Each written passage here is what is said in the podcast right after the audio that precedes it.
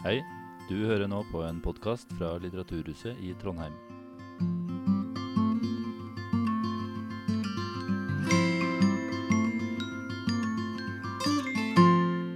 Først så har jeg lyst til å si endelig. For dette arrangementet har vært utsatt tre ganger. Men uh, da fikk vi det til slutt til. Uh, og i tillegg så fikk vi det til uten strenge smittevernhensyn, som det har vært lenge. Mm. Um, Liv Bjørn Haug Johansen, du er sykepleier. Um, jeg har lyst til å be deg starte denne samtalen med å lese um, fra starten. Det skal jeg gjøre. Takk ja. for det, og takk for at jeg har fått komme. Og ja, det var da to nedstengninger og en karantene som gjorde at det tok eh, et halvt år før vi fikk til dette. Men nå er vi her, og det er veldig hyggelig. Um, ja, jeg skal begynne med å lese på et lite utdrag fra begynnelsen. Et slags fraspark, kanskje. Om morgenen, når jeg går oppover bakken mot den grå betongblokka, kjenner jeg det bruse i magen. Allerede da, klokka sju om morgenen, myldrer det der inne. Akkurat nå, og hele tiden bak disse betongveggene, dør folk. De føder, fødes, kaster opp, har smerter, får lindret smerter, reparert brukne bein, blir intubert, gjenopplives, avsluttes og blir skrevet ut. Kanskje friske, kanskje med en sykdom som skal følge dem resten av livet, eller ta livet av dem om en uke eller om 15 år. Jeg har også en plass i denne yrende maurtua. Jeg er en av dem som har deg når du blir påkjørt på vei til butikken, eller barnet ditt plutselig får krampeanfall og blir blå i fjeset. Eller når du endelig får sjekket ut den skumle føflekken, og fastlegen har informert deg om at det faktisk kanskje er det aller verst tenkelige, og nå kommer du hit, til denne store, forvirrende samlingen av bygninger med en innkalling i hånda. Innerst i vestibylen finner du en metalldør. Den fører deg inn i en labyrint av ganger, stadig eldre og mer slitt.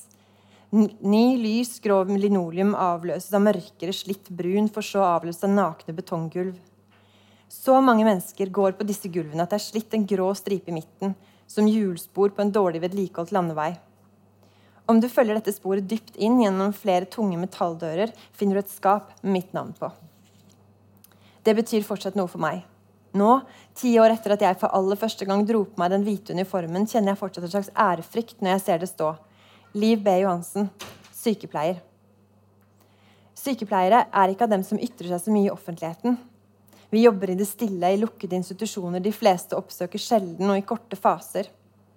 Denne våren sto vi plutselig midt i sentrum av det hele verden var opptatt av. Sykepleiere var avbildet på forsiden av aviser og blader med alvorlig blikk gjennom visiret. I media kunne vi lese om intensivsykepleiernes lange dager i tungt smittevernutstyr, om sykehjemsledere som gjorde hva de kunne for å sikre de sårbare eldre, om helsesykepleiere som måtte stenge ned tjenestene sine for å delta i smittesporing, informasjonsarbeid og testing. Vi ble klappet for og omtalt som superhelter. Men vi er ikke superhelter. Vi er vanlige folk som står i jobber som til tider koster mer enn hva som er akseptabelt å forvente av en arbeidstaker. Koronapandemien viste med all tydelighet hva sykepleiere har bekymret seg over for lang tid. At innsparingene og effektiviseringen i helsetjenestene har gjort oss sårbare på grensen til det uforsvarlige. Strikken var stram allerede før koronaen traff oss. Alt vi gjorde, måtte tas fra noe annet. Det er den historien jeg vil skynde meg å fortelle før rampelyset slukker og vi alle er tilbake i hverdagen igjen.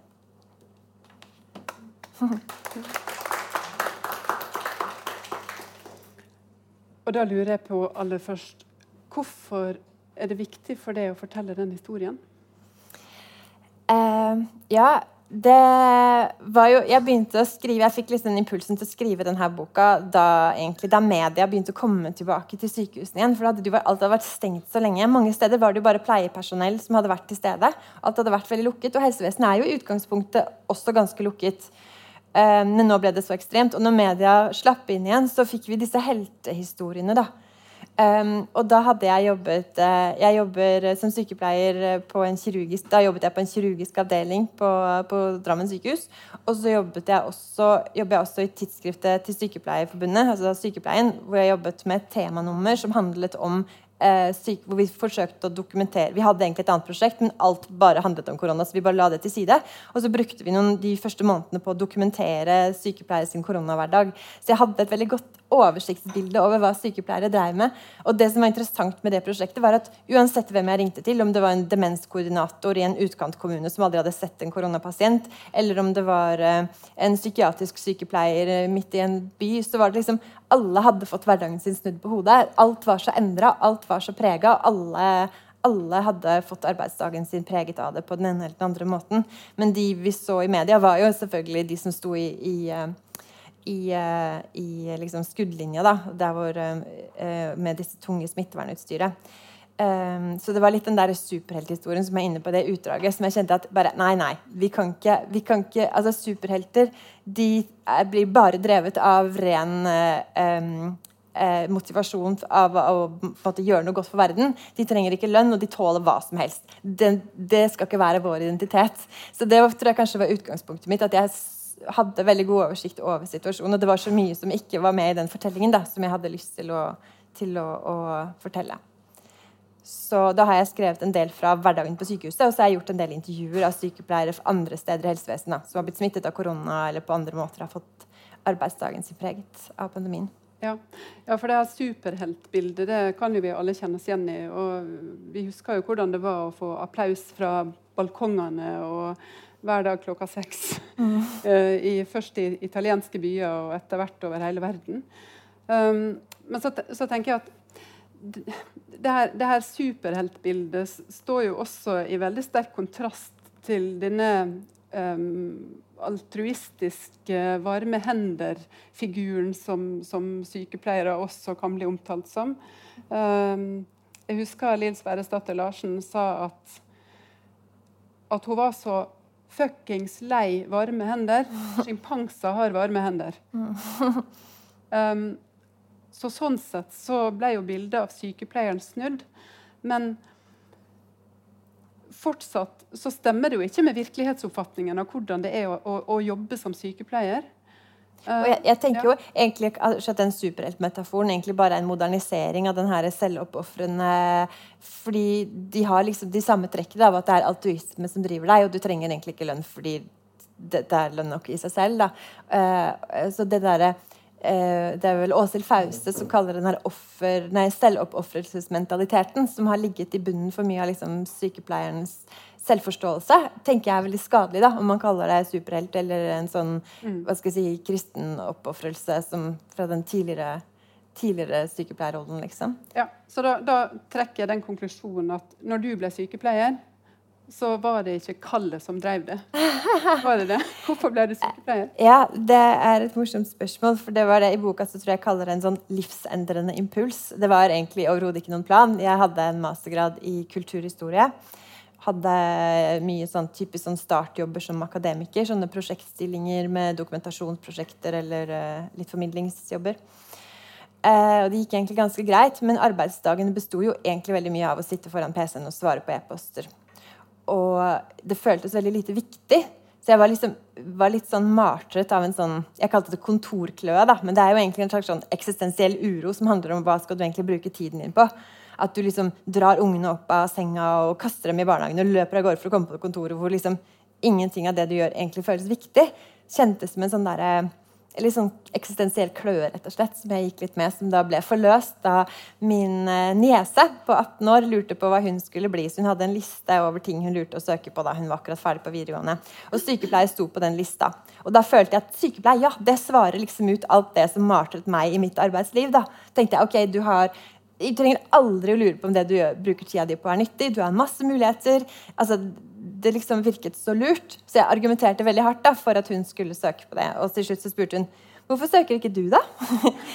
eh, og da ble jeg liggende våken hele natta, så plutselig sto det fram som det mest åpenbare valget. da. Og da hadde jeg virkelig aldri tenkt på å bli sykepleier før. Og jeg hadde heller ikke vært i noen sånne omsorgssituasjoner. Jeg hadde skiftet bleie på mine egne barn, men det var det, liksom. Mm. Men så føltes det veldig som et åpenbart valg å gjøre.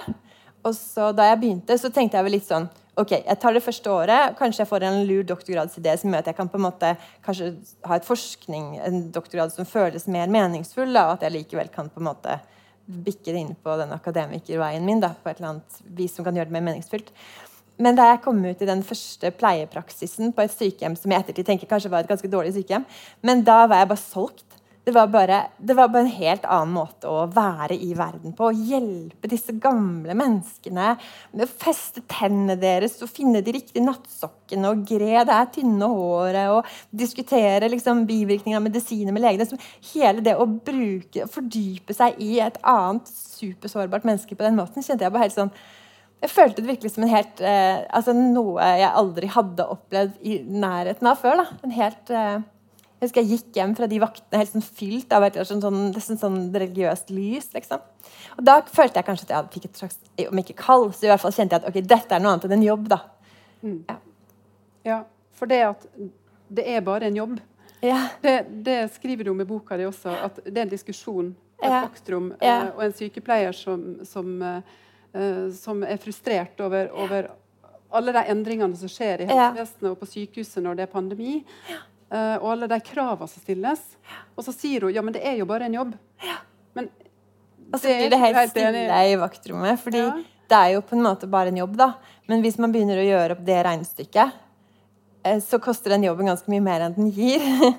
hvis du tenker på alle fotballtreningene eller alle fotballkampene du går på glipp av, alle gangene du legger deg og sover fire og en halv time før du skal opp igjen og komme på jobb. og når lønna på en måte Veldig mange sykepleiere kan jo Det er jo mange fine jobber i kommuneadministrasjoner, på apoteker, i farmasøytiske selskaper hvor, lønna, altså, hvor alt er hva skal jeg si, tørt og varmt og ordna forhold, liksom. Så hvis man begynner å gjøre det der, det regnskapet, så Ja, så det må jo åpenbart være noe mer der, siden vi orker. Ja, ja. Det, det, jo... Men det er jo en veldig interessant diskusjon, fordi det skal jo ikke være sånn. Det bør jo kompenseres, all den risikoen og all den uh, den ekstrabelastningen da, som følger med yrket. Ja. og det er jeg jo helt enig i. Mm. Uh, og, men, men jeg, også, jeg også er jo sykepleier og syns at det å være sykepleier er verdens beste jobb. Uh, men det er, en, det er, en, jobb som koster mye personlig. mm. Du må investere veldig mye i det sjøl. Um, men så kom den pandemien som vi hadde blitt advart mot i mange år som sto øverst på lista over katastrofer som kunne ramme landet. Men som myndighetene hadde valgt å ikke forberede oss nok på. Kan du fortelle om hvordan det var å gå på jobb i starten av pandemien? Ja, jeg husker eh, vi var eh, vi var så usikre. Vi visste jo ikke hva noe var. Og jeg tror det som jeg tror plaget i hvert fall meg og veldig mange kollegaene mine som vi snakket mye om eh, og kjente mye etter, det var jo det at vi var redde for å smitte pasientene. Det å plutselig oppleve at du setter de du skal hjelpe, i en risiko. Jeg har tenåringer i huset. Jeg vet ikke helt hvem de har møtt, hva de har gjort, hvor flinke de er til å passe på. Og jeg kjente helt inn på sånn mm, Er jeg litt, litt tørr i halsen nå? Vi satt liksom sånn på starten av vakta og kjente etter, og var, alle var litt sånn usikre. For da hadde vi jo ikke Vi fikk beskjed om at vi skulle bruke smittevernutstyr dersom det var pasienter som var påvist korona, eller som vi ventet på prøvesvar. Alle andre gikk vi jo bare inn til uten noe smittevernutstyr. Nå, nå, som vi har gått i butikken med munnbind et halvt år, så virker det jo absurd, men sånn var det jo fordi vi hadde ikke nok utstyr. Mm. Vi måtte bruke det der hvor det var nødvendig. Mm. Så den usikkerheten, utryggheten og den følelsen av at, pasient, at du, du setter pasienten din i fare bare ved å være, være der, og også kombinert med de sånn helt urealistiske smittevernreglene som kom fra ovenifra. Da. Og da fikk vi beskjed om at vi skulle holde to meters avstand til pasientene og til hverandre. Og det er sånn, Du trenger ikke ha vært med en ti minutter på et sykehus før du skjønner at det er jo helt umulig. Altså, det er ikke engang mulig med, altså Arbeidsrommene våre er så små, så bare det å holde avstand til kollegaene er nesten umulig i seg selv. Og det å skulle holde avstand til folk som du skal følge på do eller putte nesegrim på altså Det er jo åpenbart helt umulig. Men når det er regelen, og, du, og det er det du har å beskytte deg med, en regel som åpenbart ikke kan, kan Så virket det liksom som Og det var også så rart å se den forskjellen fra å være ute i samfunnet hvor alle var kjempeforsiktige, og så kommer du på sykehus, og alle, det er jo der kanskje det er mest risikabelt, så er likevel alle mye tettere på, da, og mm. større samlinger av mennesker. og så det var, eh, Og så var det nye regler hele tiden, nye ting, og alt var så usikkert. Vi fikk beskjed om at Eh, husk at dere jobber i helseforetaket. Vi kan flytte dere hvor, dere hvor, vi vil. Vi kan inndra ferie, vi kan endre turnus på kort varsel. Det var liksom alle disse unntakene som la seg oppå hverandre, som gjorde at man liksom virkelig ikke visste. Og det var det jo mange. Hun ene intervjuer i boka jobber i en operasjonsavdeling. og fikk på et par dagers varsel beskjed om at hun skulle møte opp på uh, intensivkohorten for å jobbe med koronapasienter. Uh, uten å egentlig få noe opplæring eller noe. Det var bare å møte opp og så prøve å finne en slags rolle i det. da. Ja, og da er det jo interessant også å legge til at en intensivsykepleier har til sammen fem års utdanning ja. og, og, trenger lang opplæring. Mm. Men her så snudde man plutselig om på, på, på ulike spesialiteter innenfor mm. sykepleie uh, og plasserte folk vilkårlig der de trengtes der og da. Ja. Ja. Så det hadde noen kostnader for, for sykepleierne, for fagfolka som mm. jobber uh, i sykehus. Uh, men det du sier uh, om å holde avstand altså Jeg har jo også jobba i sykehus, og det å holde to meters avstand til en pasient som du skal gi sykepleie til, det går jo ikke. Hva tenker du dette har gjort med, med omsorgen for pasienten? Fordi jeg er jo veldig glad i Kari Martinsen. Og Kari Martinsen uh, hun, um, hun, er sykepleier og filosof. Uh, og hun er veldig opptatt av, av dette med, med, med, omsorgen som gis til pasienten, og det maktforholdet mellom pasient og sykepleier. Og, og, hva som skjer i, i det forholdet, da, i den relasjonen. Um, hvordan påvirker den nye situasjonen alt det der? Ja, det, det, det, tror jeg vi kjente mye på alle. Den derre avstanden, det å skulle holde den avstanden. Jeg intervjuet en som jobbet på et sykehjem, som, som beskrev det som altså virkelig føltes som en sånn eh, faglig svikt. da, Å ikke kunne ta på folk når hun går forbi dem eller gjør de der små, små tingene. Um, og så klarte jeg at vi gikk inn mye sjeldnere. Nå jobbet Jeg også, jeg ble satt til å jobbe på en sånn uh, mottaksavdeling da, som tok imot de som kom opp uh, som var testet og så skulle de holdes isolert fram til prøvesvar forelå. Eh, og da blir det jo sånn du, hver gang, da var det jo, Vi visste at hele verden liksom skriker etter det her smittevernutstyret. Og så, Da var det jo ikke sånn kohort, ikke sant? for da var det jo ett og ett smitterom. sånn at du må gå inn og gjøre tingene dine. Og så må du kaste alt du hadde på deg når du går ut. Eh, og da går du jo ikke ut mer enn du må. Så jeg kjente mye på den der, eh, hvor utrolig lite kontakt de fikk med oss. da, Hvor utrolig lite, eh, lite vi eh, vi egentlig investerte i dem, på en måte. Hvor fremmede vi ble. Altså, ja, det var bare en helt sånn nærhet som manglet helt. Ja. Mm. Og da blir man også veldig maktesløs som pasient? Ja, ja, absolutt. Mm, mm. mm. Og de også, mange av pasientene var jo også redde, fordi de ser oss komme inn uten noe smittevernutstyr og de har jo tre vaktskift i løpet av en dag, og kanskje flere pleier inne. kan jo være sju-åtte stykker. Mange av de, jeg husker jeg hadde en kolspasient for eksempel, som hadde holdt seg kjempeisolert liksom, og latt avisa ligge døgn før hun hadde tatt på den. og sånt, fordi, For å være helt sikker på alt. Og så blir hun innlagt på sykehus og har liksom et renn av folk inn på rommet hele tiden. Må til og med dele rom med en annen pasient. Mm. Eh, og det er klart eh, at de er jo også redde og vil jo ha minst mulig med oss å gjøre. Så det var en helt sånn paradoksal situasjon at man liksom prøver å unngå de som man er vant til å jobbe tett innpå, da, som man er der for å hjelpe. Mm. Um, siden vi snakker om dette med omsorg og, og, nærhet til pasienten, så har jeg lyst til å be deg lese et stykke til. Uh, for i boka di så har du et kapittel som handler om berøring. Yes. OK. I den hvite sykepleierdrakta er jeg noe annet, noe mer enn meg selv. Privat er ikke jeg en som klemmer eller tar særlig mye på folk, men sykepleieren Liv gjør det. Min sykepleierkropp står i en intim og selvfølgelig forbindelse med pasientkroppene. Det er det praktiske. Jeg trenger den totalt overskridende tilgangen til den andres kropp for å få gjort jobben min. Jeg trenger den tilgangen for å kunne tillate meg å bruke et minutt på å dytte og lirke for å få forhuden over et hoven penishode. Jeg setter stikkpiller og temperaturmåler opp i rektum på andre mennesker. Jeg skyller verkebyller på de mest intime steder. Jeg vasker og tørker folk under puppene og smører dem i rumpesprekken. Jeg må få komme til overalt. Det fins ingen bluferdighetsgrenser. Ingenting er for nært, for intimt. Om du er 80 eller 25 år, spiller ingen rolle. Hele kroppen din er min arbeidsflate. Det går an fordi jeg har de hvite klærne og taushetsplikten, og fordi vi begge vet at det må til. Men det er også en annen intim, intimitetsoverskridelse min sykepleierkropp gjør, som ikke er betinget av pragmatikken. Hud trenger berøring. De som aldri blir tatt på, trenger å bli tatt på når de er syke. Sykepleierkroppen min vet det, og den vasker folk langsomt og kjærlighetsfullt på ryggen. Den setter seg ned hos de sykeste, de språkløse, de døende, og stryker dem rolig på armen. Fram og tilbake. Den legger en trøstende hånd på skulderen til folk og lar den noen ganger gli opp og ned på ryggen.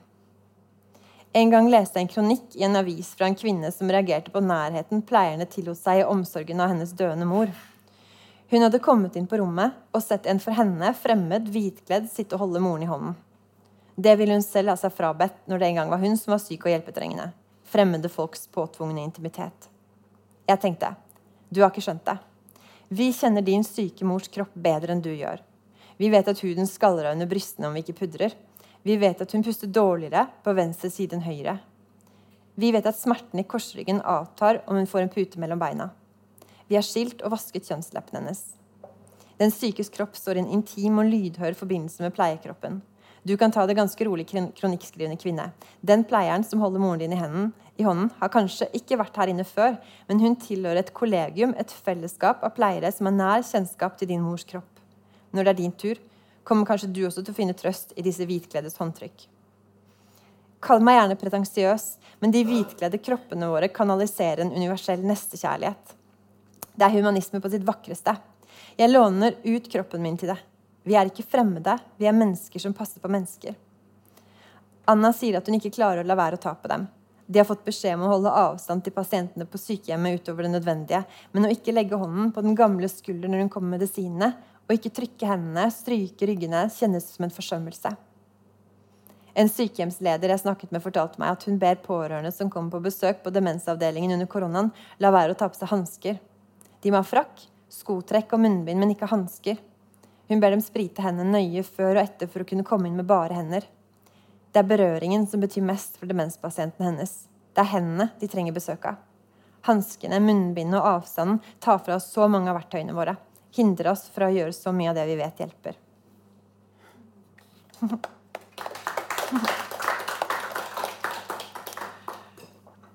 Det var veldig fint. Mm. Um, for sykepleierne så hadde Det var jo ikke bare pasientene som opplevde uh, ganske så uh, inngripende konsekvenser av det å jobbe i helsevesenet under pandemi. Men også sykepleierne har, har, jo opplevd å få veldig sterkt innskrenka privatliv. Og du forteller jo sjøl også i boka di uh, om det var første kvelden du kom hjem uh, Det husker jeg ikke, men, men uh, i hvert fall en kveld du kom hjem fra vakt. Gikk inn i gangen og gikk i dusjen og kasta klærne dine ut av vinduet på badet. og Det er ganske illustrerende for hvor, mm. hvor, redd man blir for å dra med seg smitte hjem. Mm. Uh, og hvor uh, uh, og, og likedan det, det, å dra med seg smitte hjemmefra og til sykehuset også. Og jeg også kjenner jo sykepleiere som har som har nærmest levd isolert mm. i ett og et halvt år fordi de er så redde for å, å, å spre smitte der de, mm. der de jobber. Um, hvordan har dette påvirka det? Eh, jeg husker jeg merket Jeg hadde eh, seks uker sånn, som jeg tok meg fri fra sykehuset for å bare skrive. Og da kjente jeg jeg hadde ikke tenkt på det før, men da kjente jeg en sånn hodepine som liksom løsna, og skuldrene liksom falt litt. Og da, og, og, og da merket jeg at den derre eh, den der lille filmen som du lager av hvem har jeg vært i berøring med siden sist jeg var på jobb, eh, som du liksom får med en gang i litt sånn derre revy liksom, gjennom hodet når du kjenner at du er litt rusket i halsen eller nyser. Eller, eh, som jeg hadde hatt med meg hele veien. da. Ja. Eh, det, det, tenkte jeg ikke over før det liksom forsvant i de seks ukene. Så kjente jeg at oi, dette har jo faktisk prega Altså sittet i kroppen min hele tiden. Så, så, det er klart, jeg har ikke vært redd for å bli syk selv. Eh, men jeg har vært redd for å, for å smitte andre. Mm. Og, og, det ser vi jo også når de der undersøkelsene som har kommet i etterkant på sykepleier sin psykiske helse, så scorer vi jo de som har jobbet med koronapasienter, eh, eller ikke til og med indirekte, eh, med, scorer jo mye høyere på alle sånn angst- og depresjonssymptomer og til og med PTSD-symptomer ja. enn resten av befolkningen. Mm. Så det er klart at det har vært en påkjenning for mange. Ja, det har det. Det kom en Sintef-rapport også på, mm. på, akkurat det. Eh, på hvordan det har påvirka påvirka sykepleierne. Mm. Og, og, lederne i helsetjenesten også, som, som har jobba innmari mye. Mm. Um, det, å, å bli, det å bli omdisponert på sånn kort tid uh, har jo også vært en stor belastning. Uh, og så tenker jeg at når, når vi snakker om, om sykepleie, så, så, høres det veldig det, det høres veldig uh, ja, håndfast og, og, og, konkret ut. Uh, men det å være, å være, kjent der du jobber, og, og, klare all, alt det koordineringsarbeidet som, som, sykepleiere må gjøre i løpet av en dag, det er også noe som tar enormt med tid. og hvis du da er på et ukjent sted, så, så vil det også bidra til en, en en stor belastning. Eh, og, og altså, for noen så har det vært nærmest litt, litt sånn uoverkommelig. da. Uh, Davina Elden har jo skrevet en bok om, om, om det som Hun kaller det 'work that makes work work'. alt det arbeidet som, som får arbeidet til å fungere. Og det også har jo vært en stor del av hverdagen mm. på, på, sengeposten, har ikke det? Jo, det har det. Hvordan plutselig alt må løses på en annen måte. Der du merker hvordan Sykehuset er jo lagt opp ekstremt rasjonelt. Du skal liksom de tingene du trenger for å gjøre en eller annen prosedyre, ligger gjerne samla et eller annet sted. Du skal kunne strekke ut hendene og få de tingene du trenger veldig raskt. Jeg merket jo, eh, hvordan alt nå må endres med disse smitte, smitterutinene. Hvor utrolig mye ekstraarbeid det lå i bare det med tenkning og planlegging og, og gjøre alt på en annen måte. da.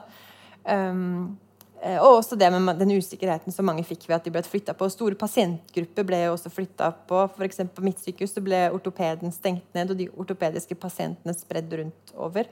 Og det å gå inn og bare hjelpe en ortopedisk pasient opp av senga for å stå, er ikke bare bare. For de skal gjøres på en helt spesifikk måte, helt annerledes enn man gjør på andre avdelinger. Og det er masse, sånn, masse ekstraarbeid, sånn kunnskap da, som, som, man har hvis man jobber med de pasientene. Som man plutselig må inn i prosedyrehåndbøker og slå opp. Og, så utrolig mye ekstraarbeid. For jeg vet, på mange avdelinger på sykehuset var det egentlig færre pasienter innlagt enn ellers, men allikevel så så tror jeg nok mange hadde veldig krevende dager fordi de sto overfor helt andre problemstillinger og rutiner enn de hadde, hadde vanligvis. Ja.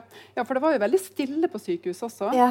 Jeg husker jo sjøl på St. Olav eh, sykehus her i Trondheim eh, at eh, vi hadde 60 belegg en periode. Og det har jo aldri vært så lavt før. Og vi, direktøren var ute i avisa for å si at det var trygt å komme til sykehuset. og Det, det var stille i akuttmottaket, og det var liksom stille før stormen. Mm. Mm. At vi gikk og venta på noe som vi trodde skulle komme. da. Ja, ja. ja Det var veldig rart. Ja, ja. jeg husker også den følelsen. Vi gikk veldig lenge og følte at det var stille, at det stille før stormen, men så kom det jo faktisk aldri noen storm, for det ble jo aldri den store bølgen i, i Norge eh, som vi på en måte sto og venta på. Det var jo, i begynnelsen så sto, Vi så jo de bildene fra Italia, og vi så hvordan de gjorde om kjøpesenteret til, eh, til eh, koronakohortet. liksom. Så vi ante jo ikke hva vi sto ovenfor. Og så når det ikke kom, så ble det jo også Da begynner man å Også når man er i et eh, i et uh, system hvor man er vant til at uh, hver seng koster penger. på en måte. og så ser jeg alle disse tomme avdelingene, og folk står klare, og det ikke kommer noen. Så begynner vi å tenke sånn hm, Hvor er det disse pengene blir tatt fra? det, for det er jo sånn man har, ellers har jobbet så hardt for å prøve å øke bemanningen på sengeposter han tidligere og aldri fått gehør for noen ting. Og så kommer dette her, og så plutselig ser man liksom ressursene bare velte inn. På mitt sykehus så er det liksom innkjøpsstopp på alt da, fordi vi skal bygge nytt sykehus. sånn at det har på en måte vært Ingenting blir rehabilitert, ingenting blir bygd, ingenting blir kjøpt inn. Bare slutt å spørre, liksom. I, i flere år. Og så kommer dette her, og da plutselig kjøpte de inn alt mulig fancy high-tech, renseutstyr, og akuttmottaket ble bygd om på et par dager. Det sånn aktivitet og en pengebruk som vi virkelig aldri har sett før. Som også var litt sånn um, ja, Så man etterpå blir sittende og si ok, så disse pengene fins, eller hva? ja, ja, det er veldig interessant. Mm. Uh, og, og nedstengning av samfunnet har jo vært der for å skjerme helsevesenet. Mm. Uh, hva tenker du om altså, her, den, Når vi må stenge et helt samfunn pga. Uh, alle, alle vet jo at etter pandemien nå at vi har for lav intensivkapasitet. Mm. Uh, vi har for dårlig bemanning, det er for lite personale på sykehjemmet. Um, hva sier det om synet på, på helsevesenet? Når ja. man prioriterer økonomisk, som får sånne følger? da? Ja, det tenker jeg. Og jeg, og jeg føler på en måte altså, et visst sånn takknemlighet over alle disse tingene har blitt belyst. Da, for dette er jo ting som har vært åpenbart for alle som har jobbet i helsevesenet eh, ganske lenge. at uh, men det, liksom sånn, jeg har liksom sett for meg koronaen som Det var også liksom nyttig for meg som, å, å, skrive den boka med å ha koronaen som ramme. Da, for det, jeg så det for meg som en sånn, sånn der, eh, helsevesen, men så ser for deg en sånn litt sånn fullstappa sekk, og så dytter du liksom en pandemi oppi, og da begynner du å se hvor sømmene sprekker opp. da. Så for meg jeg følte veldig mens jeg skrev den boka, at du liksom så så tydelig hvorfor alt ble som det ble. At veldig mange av, de tingene som falt ut veldig uheldig, var jo problemer som lå der fra før. Og det begynte jo allerede 12. mars, når grensene ble stengt, og alle de spanske, danske, svenske, islandske og finske vikarene som vi er helt avhengig av, ikke bare på intensivavdelingene, men for å drive sykehjemmene våre, for å drive den primærhelsetjenesten i hele landet. Da de ikke kom, så utløste jo det bare en gigantisk bemanningskrise i hele landet. Var, jeg har hørt om helsesykepleiere som har blitt omdisponert til å jobbe på sykehjem fordi de hadde ikke sykepleiere til å jobbe der. Altså, I kommuner hvor de ikke har hatt en eneste koronapasient. da. Så bare den, den, stengningen av grensene utløste jo altså det var liksom, utløste jo en bemanningskrise i seg selv. Vi hadde, vi, kunne, altså, vi hadde ikke trengt å ha en eneste koronapasient for å lage en krise i det norske helsevesenet da. Nei. Fordi vi er helt avhengig av innleide vikarer. Liksom et av de rikeste landene i verden. Hvordan hendte det? Ja, hvordan havna vi her? Ja. Ja. Også det var det ene. Og så det andre, når man da snakket om beredskap, og det at uh, at dette sto ganske høyt opp på lista over farlige ting som kan skje. Eh, og da å se at vi faktisk ikke hadde noen nasjonale lagre med smittevernutstyr. Mm. Eh, og sykehusene har jo en del, fordi de har litt lagre. Mm. Men i kommunene så hadde de jo ingenting. Det var jo se, altså, ellers Jeg har jobbet i kommunehelsetjenesten også, og da kom det ofte pårørende med sånn Ja, nå er mannen min død, og jeg sitter igjen med dette utstyret. Vil dere ta over det? Og det var helt uaktuelt å ta ta imot medisinsk utstyr, særlig smittevernutstyr, som vi ikke vet hvor kommer fra, hvor lenge har ligget i garasjen eller kjelleren. eller hva. Så da sa vi tusen takk, og så kasta vi det i søpla med en gang de var ute av døra. Mens nå averterte kommunene på Facebook og ba folk, håndverkere, som hadde noe som helst som lignet på smittevernutstyr, om å levere det inn så de kunne bruke det på sykehuset. Og hjemmesykepleien, hvor folk skulle gå hjem til folk som kanskje faktisk var koronasmitta. Det er jo helt sånn helt science fiction-følelse. Vi satt og så de, de Facebook-postene. Jeg fikk helt en gåsehud. Jeg tror ikke folk altså, ja, Du fortalte meg også i stad at dere på St. Olav Vi fikk da en sånn her et kapittel som heter uh, 'Top Safe Face Mac'. For det sto det faktisk på en av eskene vi fikk. Vi er jo vant til å få liksom, kontrollert utstyr fra de samme produsentene. Nå kom jo ting fra, fra overalt det de hadde fått tak i på, på uh, Gud vet hvor de handla. På um, AliExpress tulla vi med. Men, uh, men, dere, du fortalte jo at dere hadde smittevernutstyr som faktisk gjorde at folk måtte gå i karantene. Ja, vi hadde det. Uh, vi, vi, også fikk jo mye smittevernutstyr fra alskens slags leverandører rundt omkring i verden. Uh, det var jo en logistikkrise og en smittevernutstyrkrise, og det var jo krise på krise på krise. Så, så, de som jobber på sykehuset vårt, opplevde jo også å, å, ta i bruk smittevernutstyr som i ettertid viste seg å ikke være holdbart, mm. og som igjen førte til at helsepersonell måtte gå i karantene. Mm. Men det er jo også den, for beredskap er jo noe som koster, og når, all, når rammene er så stramme, og man hele tiden egentlig bare driver med brannslukking, så, så, bygger man seg ikke opp de beredskapene og bruker ikke penger på de tingene som kan skje, for du har mer enn nok på å håndtere det som skjer hele tiden. Mm. Så det er jo litt, følte jo veldig den eh, ja, At de tingene ble så synlige, da. At, eh, at, det vi holder på med, kanskje spesielt i kommunehelsetjenesten, er egentlig veldig mye bare å holde hodet over vannet, liksom. Ja. Ja, fordi Sykehusene fikk jo etter hvert tilgang på smittevernutstyr. Ja. Men i kommunene var det jo fortsatt et problem. Ja. Uh, og av, av det, det, smittevernutstyret som ble, som ble kjøpt inn uh, til, til, Norge, så, så, fikk jo kommunene bare 20 mm. Og vi har jo hørt historier om, om uh, sykehjem der smittevernutstyret har vært innelåst på avdelingssykepleieren sitt kontor, ja. og de bare fikk utdelt ett munnbind hvis de måtte, og hvis det var påvist koronasmitte. Uh, mens de da måtte uh, gå uten, da. Mm. Eh, til man visste. Ja, og hvis ja. du fikk en pasient i helgen Dette har jeg hørt så mange steder at det er ikke bare en anekdote. Dette har vært ganske standard prosedyre mange steder. Mm. Hvis du da skulle være uheldig å få en pasient som får symptomer en lørdag ettermiddag, så får ingen tilgang på de munnbindene før avdelingsleder er tilbake på mandag. Nei. Og helsepersonell har jo opplevd også å blitt smitta av korona i større grad enn ja. en andre. Ja. Um, og hvordan det vil gå etter hvert. Vi, vi, jo, vi, snakker jo om long covid og, og, hvordan det vil gå på sikt. Det mm. vet vi jo ikke ennå. Eh, og der er det jo tilbake også til bemanning. For det ser du jo en del av de rapportene som har gått gjennom av de sykehusene som virkelig har hatt veldig mye smitte og åpenbart mistet litt kontroll, da, så ser du jo at også de har, selv under smitteutbrudd, har de hatt eh, pleiere som jobber på flere avdelinger. Mm. Eh, fordi de har så små stillinger at de kan faktisk ikke betale husleia si hvis ikke de får lov til det. Og også fordi de er så tynt bemannet at de må bare ta det de, det de kan. Liksom. Men selv ikke da, under en eh, faktisk eh, pågående smitteutbrudd på sykehjemmet, klarer de faktisk bare gi disse menneskene 100% stilling et sted. Nei. Det er nesten veldig, det er veldig vanskelig å forstå. Ja, det er veldig vanskelig å forstå. Eh, og, det, og det er jo altså det her er jo, er jo ikke samfunnsøkonom, men, men, men, jeg tenker jo det at uh, hvis du skal ha et uh, hvis du skal ha et fungerende helsevesen og holde folk friske uh, og unngå at folk blir innlagt på nytt, så trenger du jo en kvalitet på det du gjør. Um, og så har vi jo ganske mye forskning også nå som viser en sammenheng mellom pasientsikkerhet og, og bemanning. Um, og da syns jeg, jeg, synes det er et paradoks at kunnskapsinstitusjoner som helsetjenesten, da, som er så opptatt av mm. å holde seg à jour på, på, forskning og, og ny kunnskap, eh, egentlig ikke forholder seg til den kunnskapen mm. eh, som har med, med, bemanning og pasientsikkerhet å gjøre. Ja. Mm. mm. Um, du snakka om kommunehelsetjenesten. Um, Samhandlingsreformen har jo vært en uh, het potet i, i, mange år siden den ble innført i, i 2012, uh, eh, som innebar at, syke, altså at, kommunehelsetjenesten skulle ta over mer uh, ansvar fra, fra sykehusene. og at det, det, skulle bli et tettere samarbeid mellom sykehus og, og kommunehelsetjeneste. Um, og så vet vi jo at den Reformen den førte jo til at uh, de som før lå på sykehus, de er på sykehjem nå.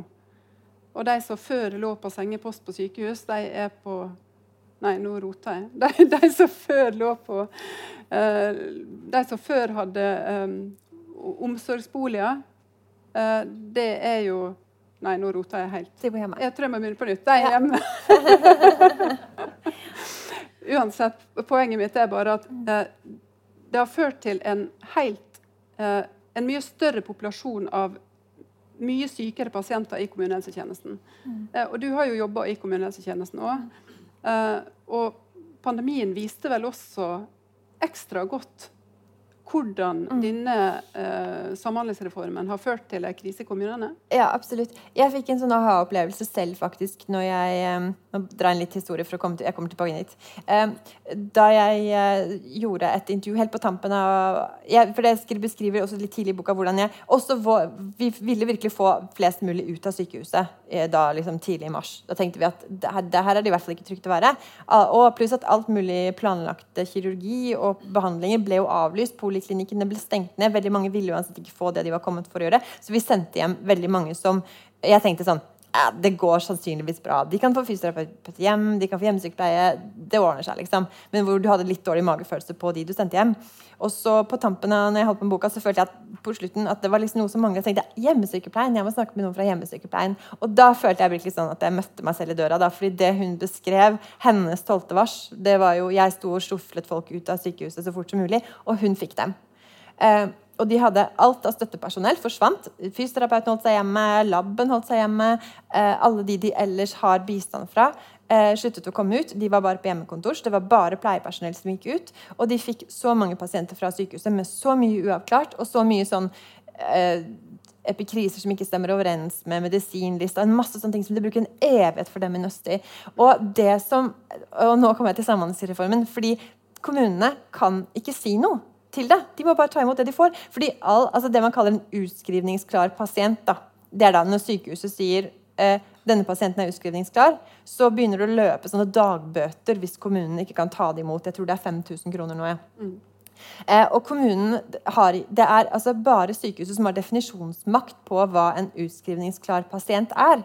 Men problemet er jo at de problemstillingene den pasienten har, må jo tas imot i kommunen. Og da er det jo egentlig opp til kommunen for å kunne vurdere om de er i stand til å gjøre det eller ikke. Men de har ingenting de skal ha sagt, så de må bare ta det imot om de har plauradren eller eh, trakeostomier eller pågående antibiotikakurer som egentlig er i behov av hyppig blodprøvetaking.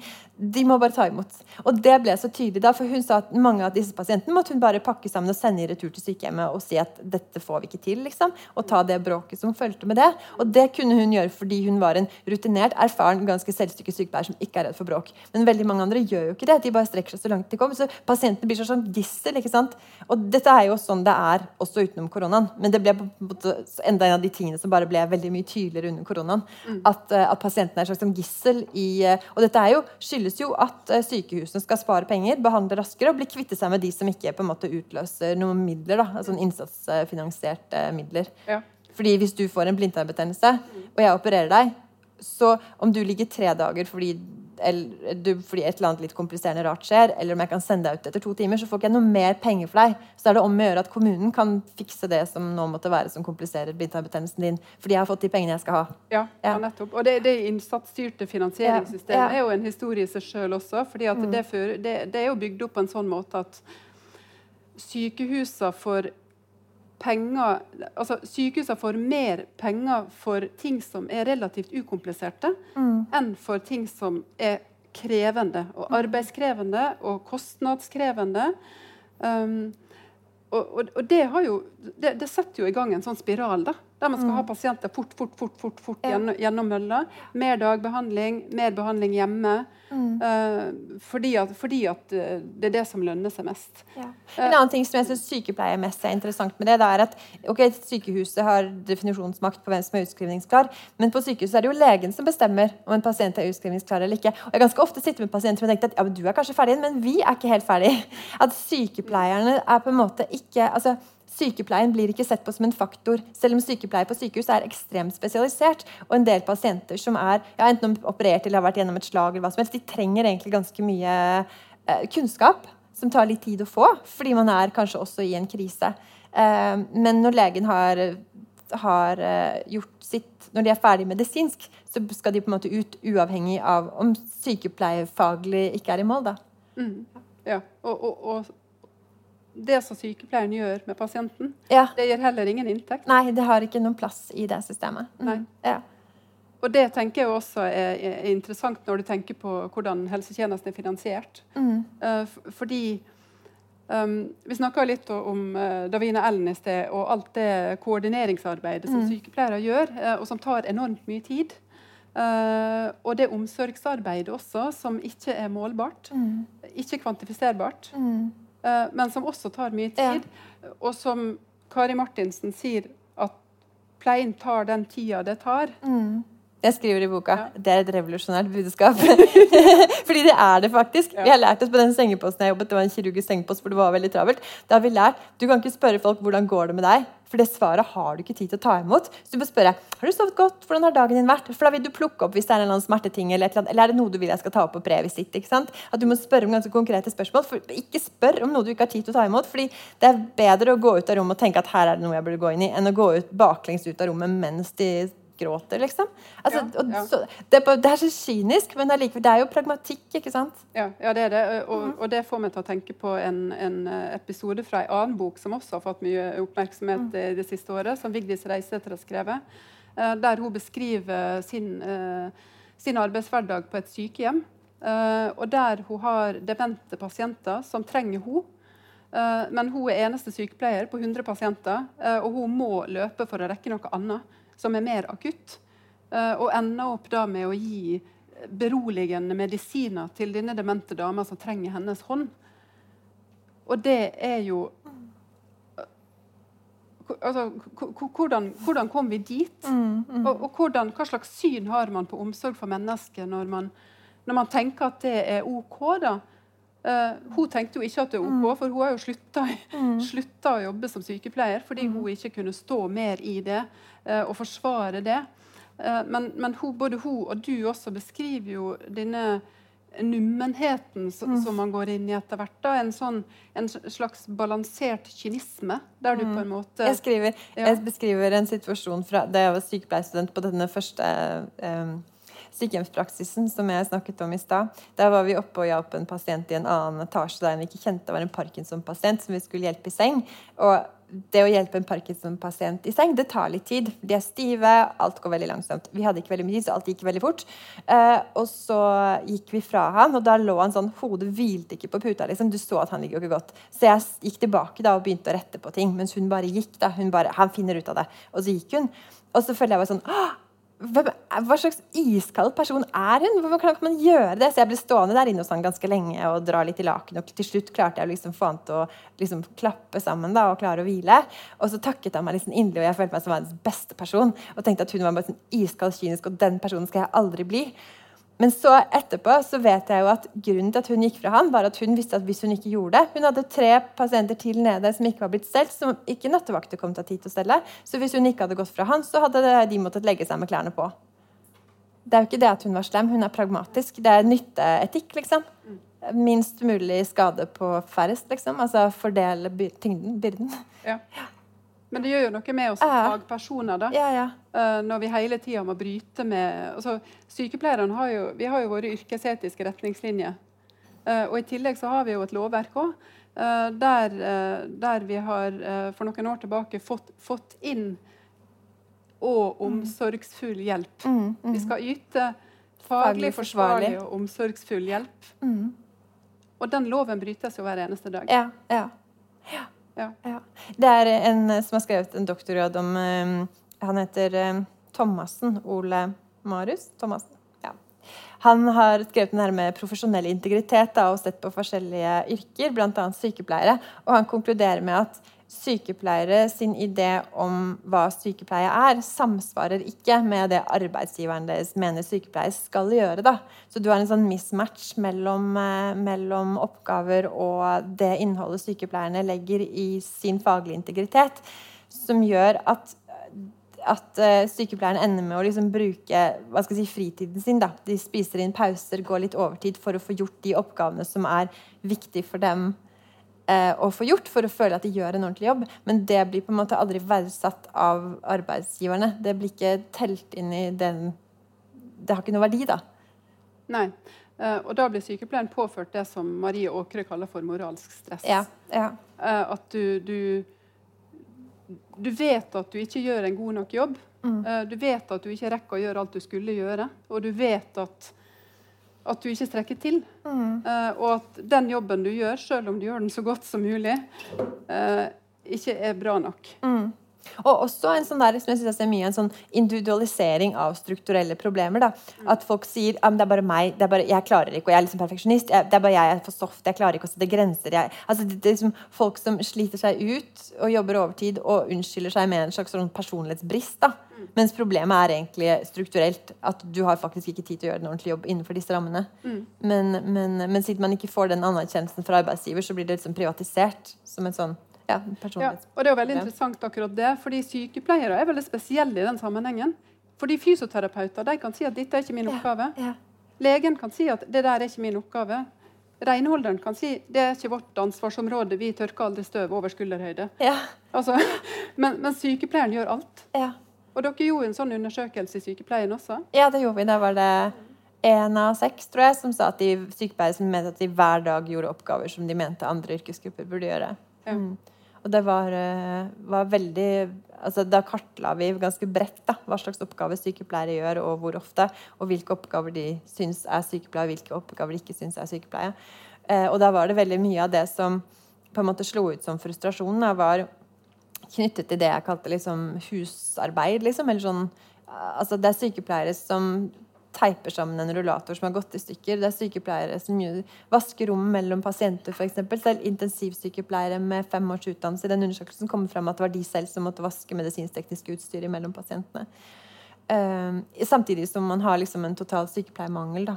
Mm. Så, altså, og spesielt, uh, spesielt uh, intensivsykepleiere. Så kaster man bort tiden deres på å bruke på, på alt mulig rart, liksom. Ja. Det er jo veldig rart. Veldig rart. Ja. Men er ikke vi flinke nok til å si fra? Eh, nei, det tror jeg ikke vi er. Eh, eh, det tror jeg nok ikke. Og det er kanskje litt sånn derre Jeg vet ikke, litt sånn unorskt å delegere nedover, på en måte. Man er liksom, ser, det er jo litt sånn mellom helsefagarbeidere og sykepleiere ofte at det er ofte litt vanskelig å Det er mange, mange sykepleiere som sier at de føler at de blir liksom baksnakka litt hvis de bruker for mye tid på medisinrommet. At det ordentlige arbeidet er ute i pleien og ute i avdelingen. liksom.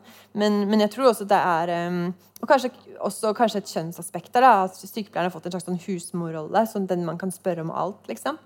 Og jeg, det er jo sånn i avdelingene, Man blir jo virkelig spurt om alt. Har du en lader til telefonen? Hvor er hårrullene til moren min? Hvor er eh, printeren virker ikke? En lege kan komme til meg og si printeren virker ikke, kan du fikse det? Og da gjør jeg et forsøk, liksom. For jeg tar meg i det. Nei, hvorfor, hvorfor, skal jeg fikse printeren for legen? Altså, det er så mye rart vi ender med å gjøre. Og det, det tror jeg handler om at, at, vi har fått en sånn, en sånn husmorrolle. da. Vi, vi ja. fikser alt, liksom. Ja. Det var en sykepleier i den undersøkelsen som skrev sykepleier, alle andre kan si dette er ikke min oppgave, men sykepleier kan aldri si det. Nei. Nei, det er sant. Vi gjorde en undersøkelse på St. Olav en gang også og uh, eh, avdekka at uh, sykepleiere på en avdeling brukte uh, eh, 45 minutter i uka på å rydde kaffekopper på legekontoret.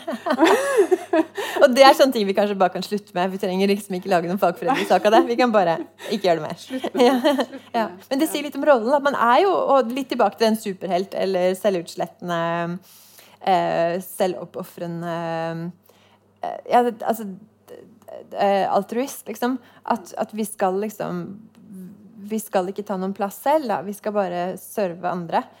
Uh, men det går jo utover faget, og det er jo pasientene det går utover. Uh, når jeg bruker tid på å uh, vaske bordet, liksom. Istedenfor ja, ja. å faktisk ja. ja. Men hadde det vært annerledes hvis Det er noen som sier at ja, men det er fordi vi er damer. Ja. ja. Ja. Hadde det vært annerledes hvis det her hadde vært en mannsdominert bransje? Ja, det tror jeg. Det tror jeg. det tror jeg hadde vært annerledes. Ja. ja. Mm. Um, vi har snakka litt om økonomiske rammer for, uh, for uh, helsetjenesten. Akkurat nå så sitter det tre partiledere i, uh, på Østlandet et sted og diskuterer um, en mulig plattform for en i hvert fall har de sondert om en mulig plattform for en ny regjering. Og flere av de ønsker å skrote helseforetaksmodellen. Hva tenker du om det? Ja, jeg tror jo det, tror jo det er lurt. da. Jeg tror det. Altså Hele den uh, markedstenkningen, at vi organiserer tjenestene våre, at vi later som det er uh, en bedrift da, som skal drives etter et sånn markedsøkonomiske prinsipper, hvor budsjettet skal gå i balanse, og uh, også hvor da eh, investeringer skal altså, budsjett budsjettet skal gå i balanse, inkludert investeringer. Mm. Som betyr at man faktisk altså, Det er jo et helt kunstig ramme. Alle vet jo at ikke vi driver et helsevesen for å tjene penger. Mm. Så du på en måte skyggelegger hele, tåkelegger det vi, det vi egentlig holder på med. Og så skaper det en masse sånn mål som egentlig er liksom falske mål å løpe etter. Så jeg mm. tenker at, Og det, masse ekstraarbeid på all den byråkratiseringen som følger med den tenkningen. Mm. Ja. Og så tenker jeg balansen mellom uh, mellom eh, spesialisthelsetjenesten og kommunehelsetjenesten. For den Samhandlingsreformen var jo egentlig en følge av den uh, helseforetaksmodellen. Fordi ved å øke effektiviteten i sykehusene, så trengte man faktisk noen til å ta imot de pasientene som kom ut, som egentlig ikke var, var klare for kommunehelsetjenesten som de var da. da. Mm. Eh, sånn at, at, Det håper jeg også, at de kan gjøre noe med den mm. gisselsituasjonen som jeg kaller det, som man setter pasienten i. da. Ja. ja. For vi er én helsetjeneste. Ja. Ja. Og det er jo den samme pasienten som vi behandler. Ja. Ja. Så det er jo egentlig et kunstig skille. Ja. Ja. Ja. Mm. Så sykepleiere må bli mer ulydige, og helsetjenesten må organiseres på en annen måte. Ja. ja. Absolutt. Vi skal begynne å gå inn for landing. Um, men vi hadde lyst å gi publikum muligheten til å stille spørsmål. Hvis det er noen som har spørsmål. Eller kommentarer, eller? Eller kommentarer.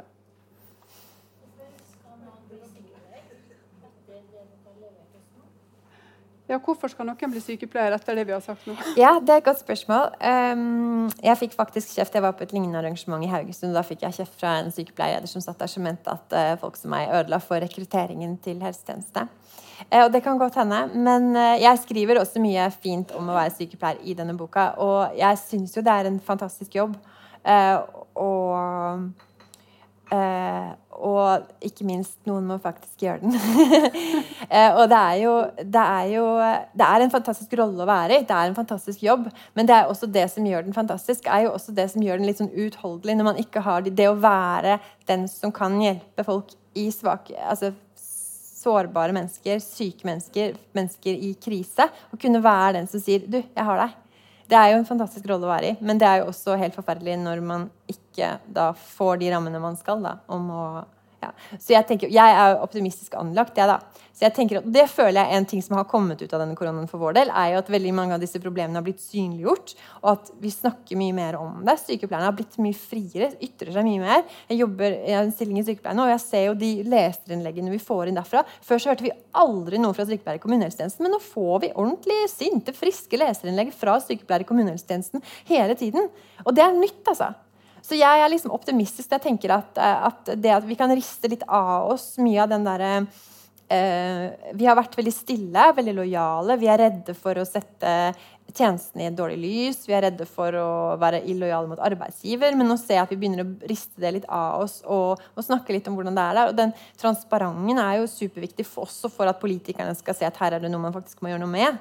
Så jeg må si at jeg er optimistisk, men jeg tenker at folk må for all del bli sykepleiere, men ikke tenke at de kommer til dekka bord. da. Man har kanskje en liten jobb å gjøre der for, for, å få de rammene man skal ha. Men det er jo mange steder de får det til også. Jeg byttet jobb etter, at jeg var ferdig med boka, så byttet jeg til en annen avdeling på sykehuset. Så nå jobber jeg på en nevrologisk avdeling. Og der er det en slagenhet som har øh, bemanningsnorm i nasjonale retningslinjer.